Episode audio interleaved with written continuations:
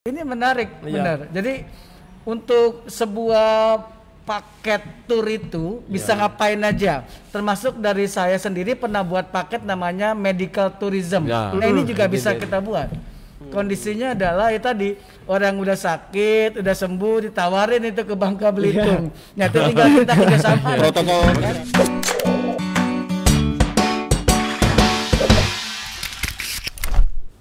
Halo Tribuners, selamat datang di Tripod Tribun Tribun Podcast.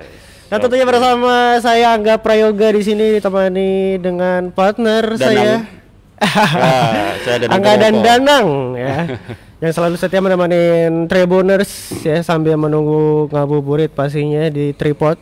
Ya kita Ini bakal di ngobrol-ngobrol nanti ya. kedua ya Kita di episode kedua. Iya, tadi episode pertama kita dengan Pak Gub. Ah, ah, episode Ah, perdana bersama ini Pak Gun. Kita dengan siapa nih? Sekarang Ada Pak Buralimar, Kepala Dinas Pariwisata Provinsi Kepri. Kepulauan Riau. Nah, dan yang satu lagi ini langsung nih pelaku pariwisata. Mungkin nanti bisa curhat atau mungkin bantu-bantu ngasih solusi nih dengan Pak Surya. Ada Pak Surya Wijaya nih. Iya. Selamat sore Pak. Sore, sore. Gimana nih kabar ya Bapak-bapak? Oh, kita tetap optimis, Iya, tetap tetap asik, asik. tetap semangat, Tetap enjoy, tetap sans ya. tetap asik. Seneng nih lihatnya Sesuai dengan yang senior senior subtema kayak gini seneng. Gimana Pak? Jangan mengeluh gitu kan. Betul. Optimis. Dari stamina staminanya udah Iya. kelihatan kayak gak perlu ditanya lagi. Eh, eh. Oke, mungkin langsung aja kita ngobrol. Oh, Pak eh? Bur, mungkin Ya. bisa ceritakan lah kondisi pariwisata di Kepri saat ini ya, Hmm. saat ini seperti apa? ya, langsung aja ya Mas. Langsung, Pak. Ya, Oke, baik. Silakan, Pak. Eh, Mas Sedang mungkin dapat kami sampaikan bahwa pariwisata Kepri saat ini memang tidur nyenyak. Tidur nyenyak. Bukan pingsan ya, tidur Iya. memang tidur. Kalau pingsan itu kondisi lain. Jadi memang eh, istilahnya tidur Hibernasi. karena memang eh, hibernasi, Hibernasi. hibernasi ya.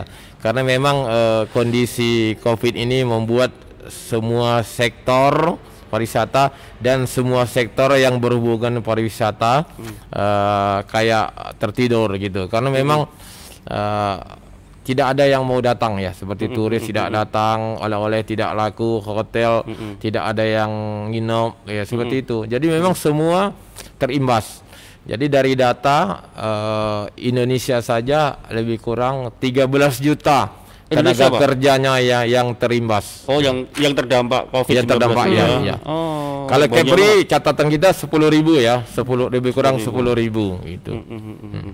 Ini nggak aja di Kepri aja ya, di seluruh dunia, Pak ya. Di seluruh dunia ya. Iya, iya, iya. Oke luar biasa ya. iya. Terus eh, apa?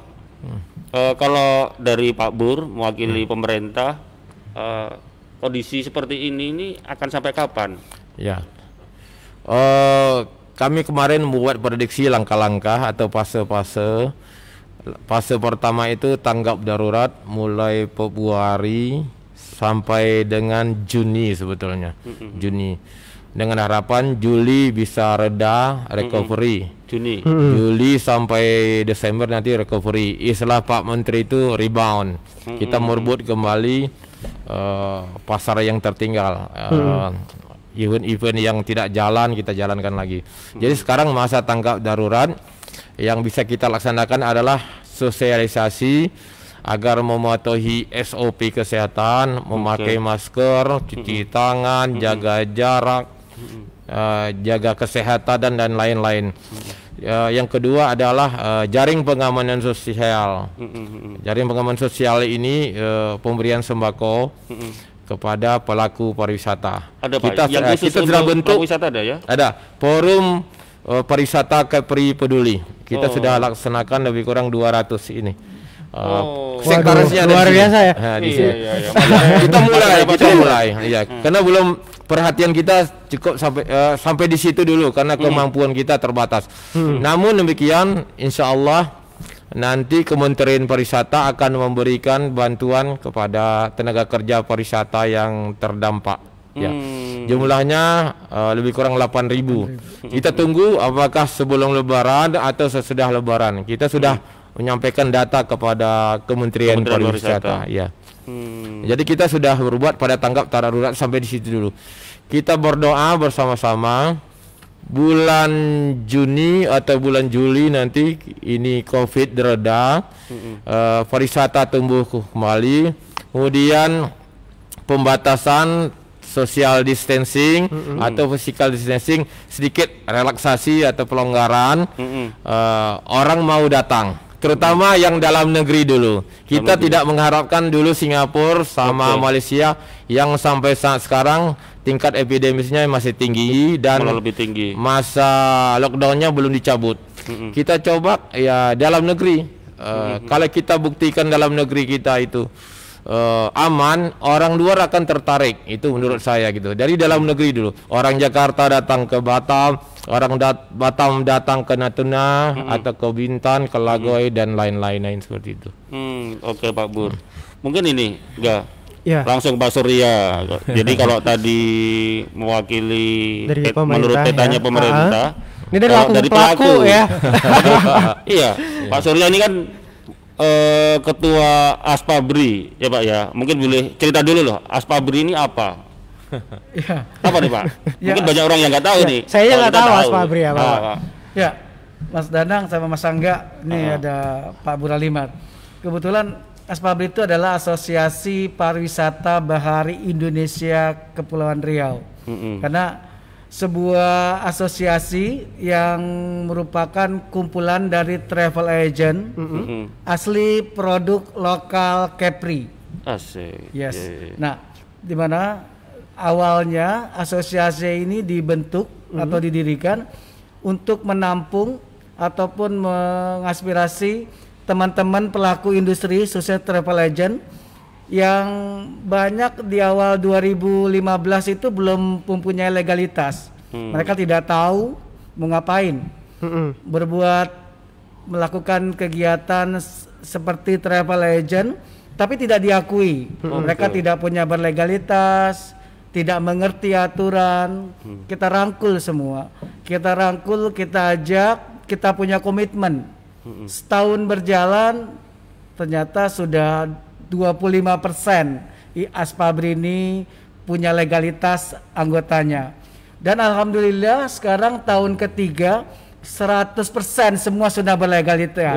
100% ya. Yes. Berarti ini tahun ketiga ya? Tahun ketiga. Tahun ketiga. Dan alhamdulillah kita punya relasi sampai ke Singapura, Malaysia dan Thailand. Kemarin saya baru undang Pak Buralimar untuk anniversary Aspabri yang ketiga itu di Pine Tree eh, Resort di Johor Baru. Hmm. Jadi memang kami diundang de- karena hubungan baik itu kita mendapatkan fasilitas full selama anniversary berlangsung di Johor Baru. Tuh, Waduh. mantap. Pak Surya Yes. tadi mungkin kalau Pak Surya mewakili pelaku industri pariwisata mungkin dari travel ya menurut Pak Surya dari asosiasi ini kondisinya sekarang teman-teman ini seperti apa bagaimana kondisinya mungkin cur- curhat dikit nanti yang banyak mungkin bisa bantu ngasih solusi kira-kira ya Ya. Saya selalu sama Pak Buralimar, beliau mentor yang selalu memberikan semangat buat kami.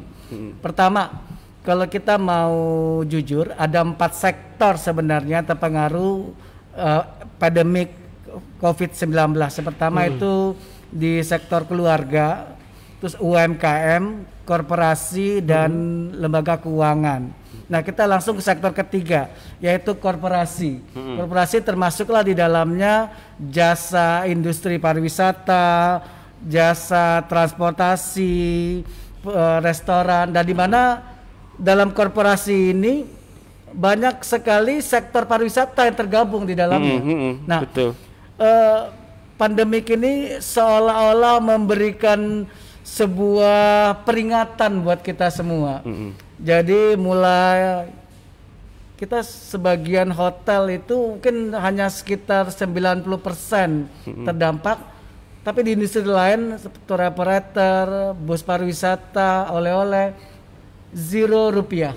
Seribu rupiah Jadi boleh dikatakan mereka terdampak besar sekali. Besar ya. Mm. Ya, mereka tertidur saat ini, tetapi jika dibilang apakah merasa ini menjadi sebuah bencana, ini cobaan menurut kami. Karena harus harus harus harus, benar, harus benar. harus bangkit, harus Iya. bangkit. Karena setelah ini kita nggak bisa diam saja, tidak hanya bisa mengeluh. Koordinasinya langsung selalu ke dinas dalam ini pemerintah diwakili oleh Pak Buralimar karena kami skopnya adalah Kepri. Kita minta pendapat dan masukan. Beliau selalu berinteraksi kepada teman-teman dari asosiasi. Jadi itu membuat kami semangat bahwa tidak hanya kami yang merasakan impact ini, tetapi juga banyak di dunia malah bukan hanya di Indonesia. Itu saya sedikit curhatnya. Mereka mulai beralih ini, mulai beralih untuk sementara mempertahankan hidup dulu. Untuk tetap Biar bisa survive ya Pak ya. biar nggak zong banget ya. Jual Jadi masker. ada yang jualan masker, ada jualan tekstil ya, ya? Iya, ya. iya. online, mulai iya. dari catering, ya. Oh. Tapi nggak apa-apa, itu itu menjadi bagian sebuah cerita menarik nanti bahwa Iya. tidak harus mati, kita tetap harus Betul, bertahan. betul. Wah, menarik. Iya. Pak Bur, optimis nih Pak. Pak Iya. Suryani. Teman-teman optimis. Pak Bur, Kita kasih sering- motivasi. Agar di lupa. WA sekarang, di WA sekarang itu setiap hari kita eh, melakukan interaksi eh, dengan kawan-kawan eh, asosiasi. Tapi sebelumnya juga kita sudah buat eh, metode seperti ini. Setiap minggu kita ngopi bareng asosiasi apa apa apa sampai masalah eh, eh, COVID ini kita bicarakan. Jadi memang eh, sudah sehati nih satu jalan. Cuma saya di pemerintah tetap dalam uh, koridor aturan saya sampaikan. kawan-kawan di pariwisata uh, yang industri ya tetap pada uh, jalurnya. Tapi yuk kita sama-sama. Seperti tema pada hari ini kita jangan mengeluh. Semangat terus kan dan uh, yakinlah uh, tahap-tahap itu akan kita jalani dengan baik. Ya Betul. Uh, tahap tanggap darurat tahap recovery atau rebound nanti tahap ketiga adalah normalisasi Ah, mungkin ah, di situ termasuklah new normal ya seperti Betul. tema hari ini itu Iya. Ya. Ya, kita kan ingin menggarisbawahi bahwa new normal ini kan akan jadi tantangan baru buat pariwisata Kepri. Benar, benar. Menurut Pak Bur, Pak, Pak Bur sekali lagi, Pak, apa eh ini teman-teman ini harus harus beradaptasi. Ya. Kalau dari pemerintah itu saran atau anjuran atau mungkin punya SOP, punya keputusan apa, mungkin adaptasi yang seperti apa agar teman-teman ini bisa bertahan, Ya. bisa bertahan. Ada bantuan-bantuan apa mungkin? Ya. Atau mungkin ada program-program Maka- apa makanya yang dibuat eh, ya. tadi saya sampaikan pada tahap tanggap darurat kita bantu sembako dan sosialisasi edukasi. Pada tahap rebound nanti kita akan buat mungkin ada eh, gathering, family gathering atau eh, apa namanya nanti eh, fam trip gitu. Oh, bawa biar kawan-kawan istri ini semangat gitu. Kemudian ada semacam pertemuan dan lain-lain. Asal satu eh, pariwisata itu kan eh, identik dengan orang banyak. Betul. jadi kalau social distancingnya dilanggar itu kita khawatir gitu. Physical distancingnya. Jadi harus mematuhi physical distancing eh, social distancing dan kita buat aturan jaga jarak dan sebagainya. Jadi kita itu tahap eh, recovery atau rebound. Eh, ada event-event yang tertunda. Saya sudah minta kepada Kemenpar satu event nasional dibuat di sini pada November atau Desember nanti. Biar eh, nama Kepri naik lagi Naik lagi. Naik Karena lagi. dia pintu masuk ketiga. Memang jadi perhatian. Jadi Kemenpar itu perhatiannya adalah lima destinasi super prioritas dan tiga pintu masuk seperti itu. Jadi harus Kepri itu menjadi perhatian ini. Jadi kita sudah beberapa masukan kepada kementerian. Pak Menteri langsung kita bina Vikon sudah dua kali dia sampaikan hal demikian. Eh, pada tahap berikutnya kita buat program untuk mengisi eh, masa normalisasi lah. Sekarang sedang sudah selesai musrenbang dalam tahap pengajuan eh, program-program. Eh, sekaligus nanti 2021 itu ada eh, mengisi masa-masa normalisasi ya, termasuk new normal. New normal. Jadi kita sudah biasa nanti bikin acara sudah pakai masker. Oh. Ini udah kebutuhan pokok nih. Oh, itu Sudah, Pak. jadi sudah tidak modelnya bukan gini lagi, udah Ah. mungkin macam-macam nanti. Ah. Iya. Sesuai dengan ekrafnya. Ekraf ya. Wah, ekranya harus bangkit. Jadi model eh, apa maskernya nanti sudah kayak moncong singa atau apa Ah. nah, itu seperti itu harus Dimodifikasi itu. ya? Jadi dia terbiasa. Ini jadi bahan pokok. Kalau pakai kepakaian itu ada eh, kebutuhan pokok, masker ada bahan pokok. Termasuk cuci tangan di restoran, Betul. di hotel, sabun, antiseptik dan sebagainya itu harus tersedia. Itu harus SOP-nya, SOP kesehatan atau protokol kesehatan itu harus dilakukan. Untuk pariwisata sendiri, eh, ini waktu ya. Ada tiga yang saya tangkap dari Pak Menteri. Yang pertama mengenai kesehatan, tapi sudah sampaikan sampai tadi. Ya, Sampaikan tadi, SOP kesehatan, jaga jarak, masker, sanitizer dan lain-lain. Termasuk di destinasi nanti toiletnya harus representatif. Ya, tidak lagi toilet bau pusing. Atau Iya, sebagainya iya, nanti. betul. Ah, yang kedua adalah eh, keselamatan. SOP di pantai misalnya. Kalau nanti terjadi eh, musibah dan sebagainya sudah SOP-nya harus diikuti. Masyarakat harus tahu paham itu. Selama ini kan kita cuek itu yang ketiga adalah eh, menurut saya adalah IT jadi kita eh, anak-anak milenial sekarang yang eh, ahli-ahli IT ya itu yang kita jadikan eh, di depan sebagai eh, apa promotor untuk eh, meningkatkan apa atau untuk mempergunakan eh, IT ini. Karena kita kan eh, SOP kesehatannya tetap kita pakai Oke. tapi ya, makanya pesan makanan atau Gojek seperti sekarang itu ya pakai IT kita memang eh, handphone eh, menjadi barang antik nanti. Mari barang keperluan pokok untuk kita nanti. Eh, seperti itu. Ada tiga hal seperti itu. Kesehatan Kesehatan. keselamatan, dan Keselamatan. eh, digital. Eh, itu seperti itu. Jadi memang eh, hidup normal itu nanti seperti itu. Kita terbiasa hidup di kamar Mm-mm. pakai iPhone satu satu hari satu malam dalam kamar gitu. Ya betul. ya keluar pakai masker. Ya udah udah kebiasaan udah itulah new normal itu. Jadi perubahan eh, yang normal kepada new normal. Ya sebelum kita nggak pakai masker sekarang kita harus pakai masker. Tapi kita tetap normal. Kita harus seperti Pak Presiden katakan berdamai dengan wabah. Wabah. kita wabah tetap jalan uh, mungkin kita nggak tahu di mana-mana. Tapi kita tetap jaga kesehatan kita supaya jangan kena gitu. Betul, kita betul, itu seperti itu. Betul. jadi itu yang masuk ke presiden. Hmm. jadi jadi mungkin ada tanggapannya lain-lain tapi Iya. saya eh, menurut saya seperti itu wabah tetap jalan tapi kalau wabah itu kita atasi dengan kegiatan yang produktif dengan mematuhi protokol kesehatan pasti eh, wabah itu dengan sendirinya akan ini akan reda akan reda itu. ya.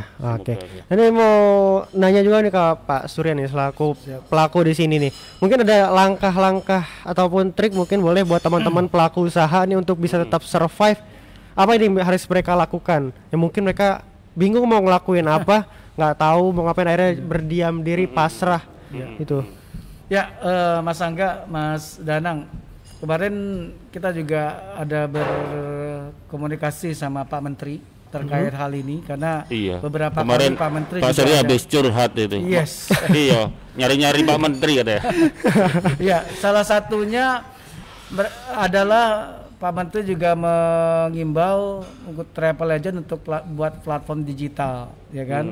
Itu juga mungkin bisa menjadi salah satu solusi.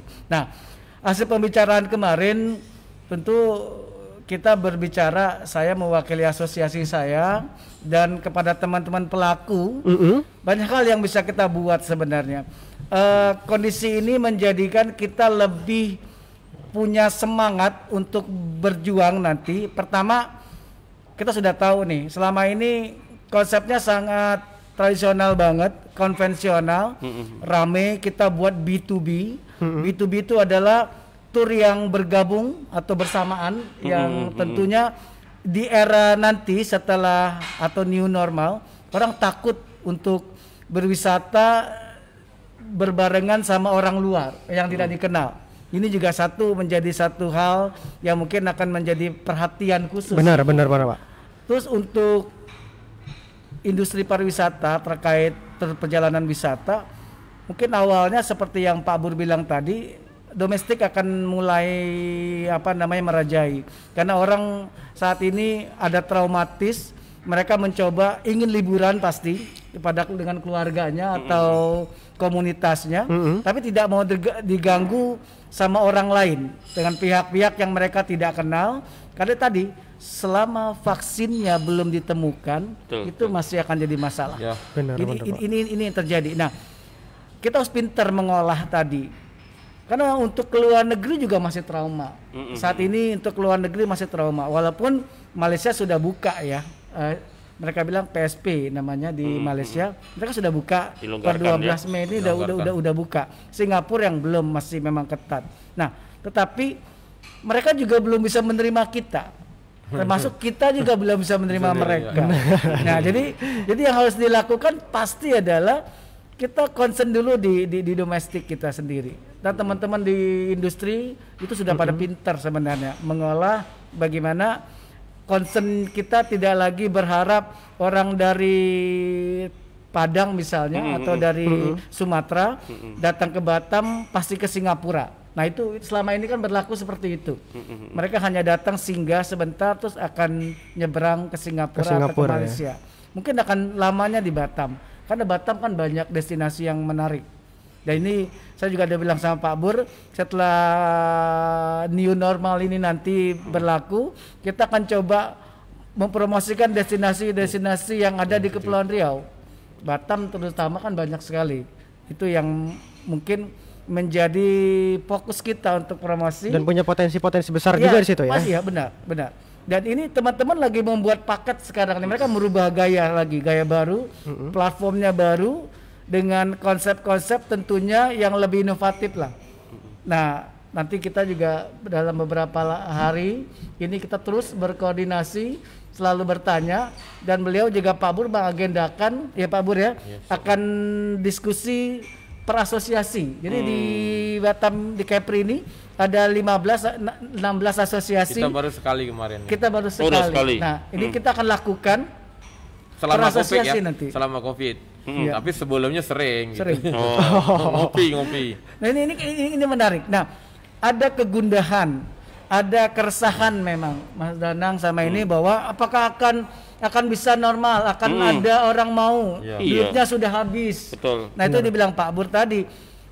Orang ataupun kita semua udah letih di lockdown. Kita mau keluar sekedar untuk refreshing Refresh, ya. atau ber- berkumpul atau rileks berkunjung ke tempat-tempat yang memang itu bisa membuat hati kita lebih refresh. Itu Iya, sih kalau intinya.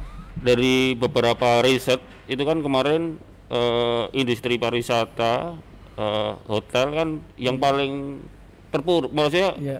dampak dari covid ini kan mereka paling terdampak betul. Iya betul. Nah tadi yang disampaikan Pak Bur, menurut Pak Surya kalau concernnya ke depan adalah pasar domestik, apakah Kepri Batam ini masih kompetitif? Kan berarti kan nanti kan, mohon maaf nih, Jogja juga nyari domestik, Bali nyari domestik, ya Padang nyari domestik. Nah ini mungkin nih menurut Pak Surya atau mungkin nanti Pak Bur bisa lanjut nih, bisa nambahkan. Ya, kenapa saya optimis? Nah, untuk Mas Danang sama Mas Angga serta mungkin Tribuners yang ada di yang menyaksikan ini bahwa salah satu yang menarik dari ba- dari Kepri itu adalah Lagoy, ya. Kita ada Bintan tadi. Terus ada lagi sekarang ini wisata di Kepri Coral dan ada beberapa destinasi baru. Yang itu ternyata nggak kalah, nggak kalah iya. menarik Kepri Coral itu sebenarnya. bagus. Kita sudah pernah Bagus. pergi kemarin. Iya. ya. Nah. Ya, jadi sekarang itu adalah masanya teman-teman dari industri ataupun destinasi itu mulai berbenah. Kita sama-sama mempromosikan. Mm-mm. Saya masih yakin Singapura kemarin atau Malaysia adalah one day tour saja. Mereka datang concern utamanya adalah Batam ataupun Bintan. Singapura tuh hanya day trip, dia tidak menginap. Jadi potensi untuk pariwisata destinasi yang ada di Kepri itu masih sangat tinggi. Sampai hari ini Lagoy eh, itu masih menjadi satu pilihan yang menarik untuk wisatawan domestik ya. Iya. Mungkin Pak Bul Pak bisa Bur, nambahin nanti. bisa nambahin Pak Bur. Ini menarik tadi mengenai eh, wisatawan domestik Mm-mm. karena saat ini masyarakat Indonesia kan tinggal di rumah. Betul, betul. Eh, pengeluarannya sedikit itu pasti itu hanya makan aja. Biasa ke mana-mana traktir orang beli baju baru. Ini lebaran mungkin tidak beli baju baru atau tidak beli kue. Dia nyimpan duit simpan eh, baik-baik. Nanti kalau sudah masa pandemi selesai mereka ingin keluar. Duitnya masih ada gitu seperti itu. Itu ini hikmah dari covid ini. Jadi mereka ingin terkurung selama ini di kotanya masing-masing seperti orang Jogja ingin ke Batam orang Batam ingin ke Jakarta orang Jakarta ingin ke Surabaya seperti ini. Kita eh, masing-masing asosiasi sudah punya eh, link itu kapan siapa yang mau ke Batam? Banyak. Kemarin yang cancel sebelum Covid itu ada 25 paket eh, satu satu asosiasi aja. Itu dalam negeri, dalam negeri. Ya, memang mereka tujuannya satu hari ke Singapura. Tapi karena Singapura belum buka ya pasti saya yakin mereka ingin mencari barang-barang mohon maaf di Batam masih Ya. tas KW yang satu dua tiga itu masih laku. Barang-barang yang Kemudian, murah ya. Iya. Yang kedua parfumnya masih asli. Coba Asli. nggak percaya. Murah Kalau asli. Jakarta masih orang ragukan, tapi di Batam parfum mulai dari yang murah sampai yang mahal masih tersedia. Jadi ibu-ibu itu masih ya masih suka ke Batam lah seperti itu. Untuk Jadi shopping-shopping masa dalam ya? negeri shopping shoppingnya itu. Jadi seperti itu. Jadi memang eh, kita berharap kita yakin eh, tetap semangat bahwa wisatawan itu masa pasca pandemi ini nanti akan cepat eh, sembuh akan cepat berkembang dibandingkan sektor lain. Percaya aja lah. Minimal dari kecil-kecil dulu. Dalam eh, domestik oleh-oleh. Sekarang aja makanan dicari orang kan dalam pandemi ini. Ah, itu. Iya. seperti ada Berarti- beberapa kebutuhan nanti yang mereka merasakan belum selama ini tidak dirasakan. Ayo ke Batam makan mie tarempa. Nah, seperti itu kan?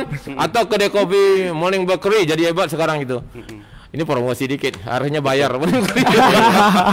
Tapi harus Promosi gratis deh. harus promosi, Pak. ini contoh-contoh gitu. Tapi menurut saya ini momentum, enggak. Yang momentum ya. Jadi Itu makanya rebound. Iya. Istilah Pak Menteri itu rebound. Kalau basket itu rebound pantulannya diambil lagi. Nasi langsung itu gol atau apa gimana masukkan dalam ini basketnya. Jadi istilah Pak Menteri rebound. Kita ambil kembali eh, eh, masa-masa sulit itu eh, pantulannya kita kita buat kegiatan baru seperti itu. Mm-mm.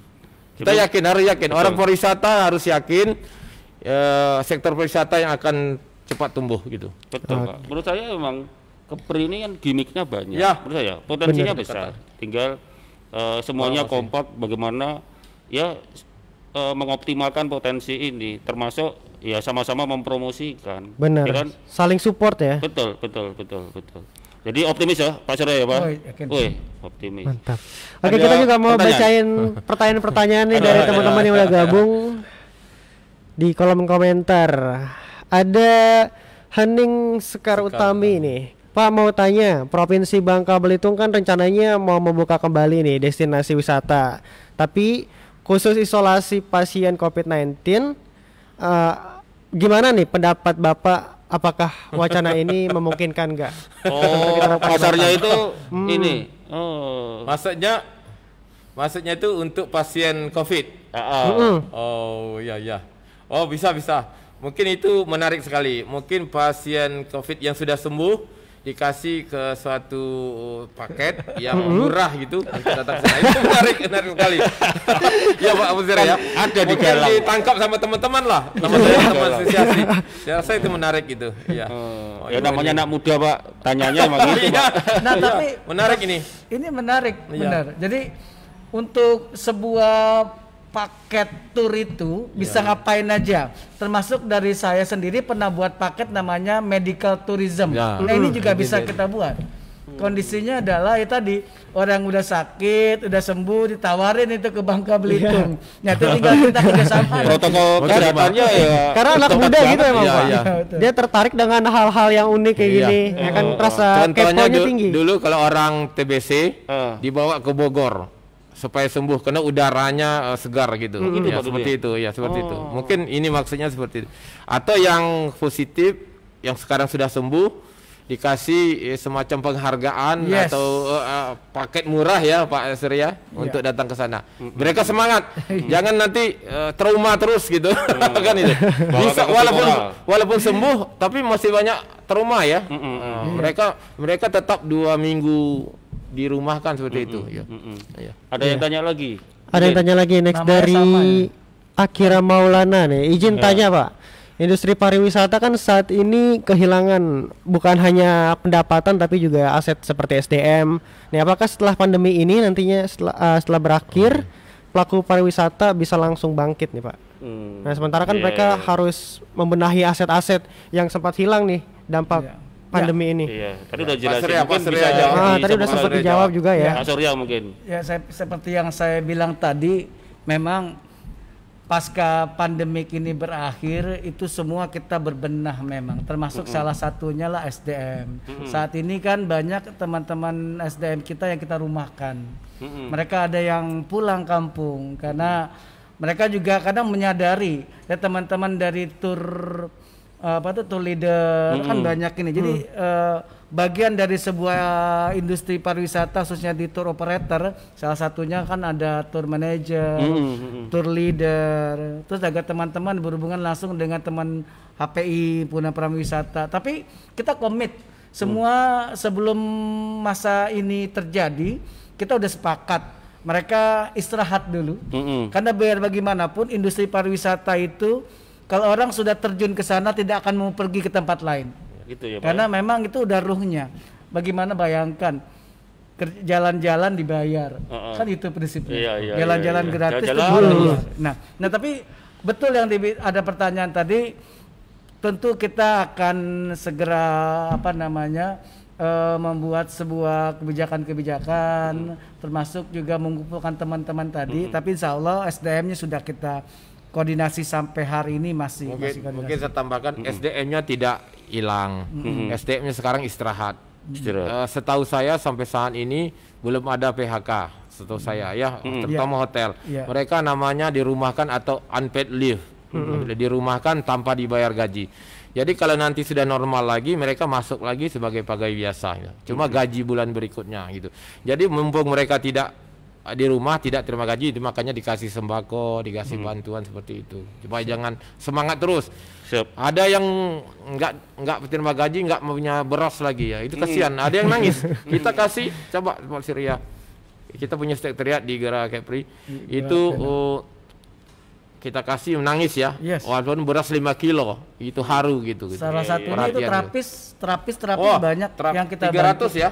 Ya, ada Terapis 324. Yang spa itu. Waduh. 300 orang. Hmm. Tempat pijat itu. Iya, tempat pijat itu Ya, paling tapi banyak. bener ya. Mereka pijat dapatnya paling banyak. berapa cuma kan? Dapat fee 20 ribu setiap pijat itu.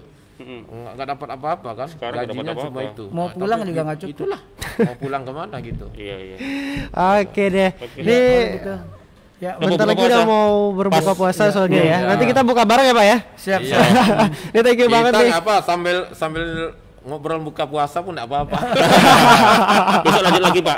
Kapan-kapan kita lanjut Iya, lagi. oke. Seru Oke, kayaknya ini seru nih nih. Ngomong Banyak pariwisata yang nggak ada bisa digali habisnya. ya. Oke, siap. Cari siap. waktu kita panggil industri yang lain. Nggak Iya, perlu saya. Nanti ada ketua ASPI, ASITA, PHRI, IPENDO, ICA, Chef. Nanti banyak yang kita. 16 nanti kita kita hadirkan. 16 eh, asosiasi. Oke. Termasuk musisi, seniman nanti Nah, ketuanya bisa betul. kita. Itu penting. Pak. Betul, Ya. penting. Ya. Siap. Ya. Sambil main gitar menjelang berbuka nanti boleh dong bisa main gitar ya boleh pak ya Pak Buri Kita yang panggil. nyanyi. ya kita datang kasih tahu aja nanti kita panggil ketua senimannya Pak Rudi dia Ah. bawa gitar sebelum itu nyanyi dulu satu lagu ya menghibur kan gitu Oke. bisa Oke, siap. Nih. Oke, terima kasih banyak Pak Bur udah sempetin Iya. waktu datang ke sini, Pak Surya juga. Next kita bakal ngobrol-ngobrol lagi ya. ya Banyak banget juga nanti bakal kita tanya-tanya lagi. seru So, thank nih you. Ah. enak enak ini Thank you juga buat teman-teman yang udah nonton video ini hingga akhir. Thank you banget yang udah stay. So nanti kita kembali lagi di next episode dan kita pamit undur diri Siap. dan sampai jumpa di episode selanjutnya.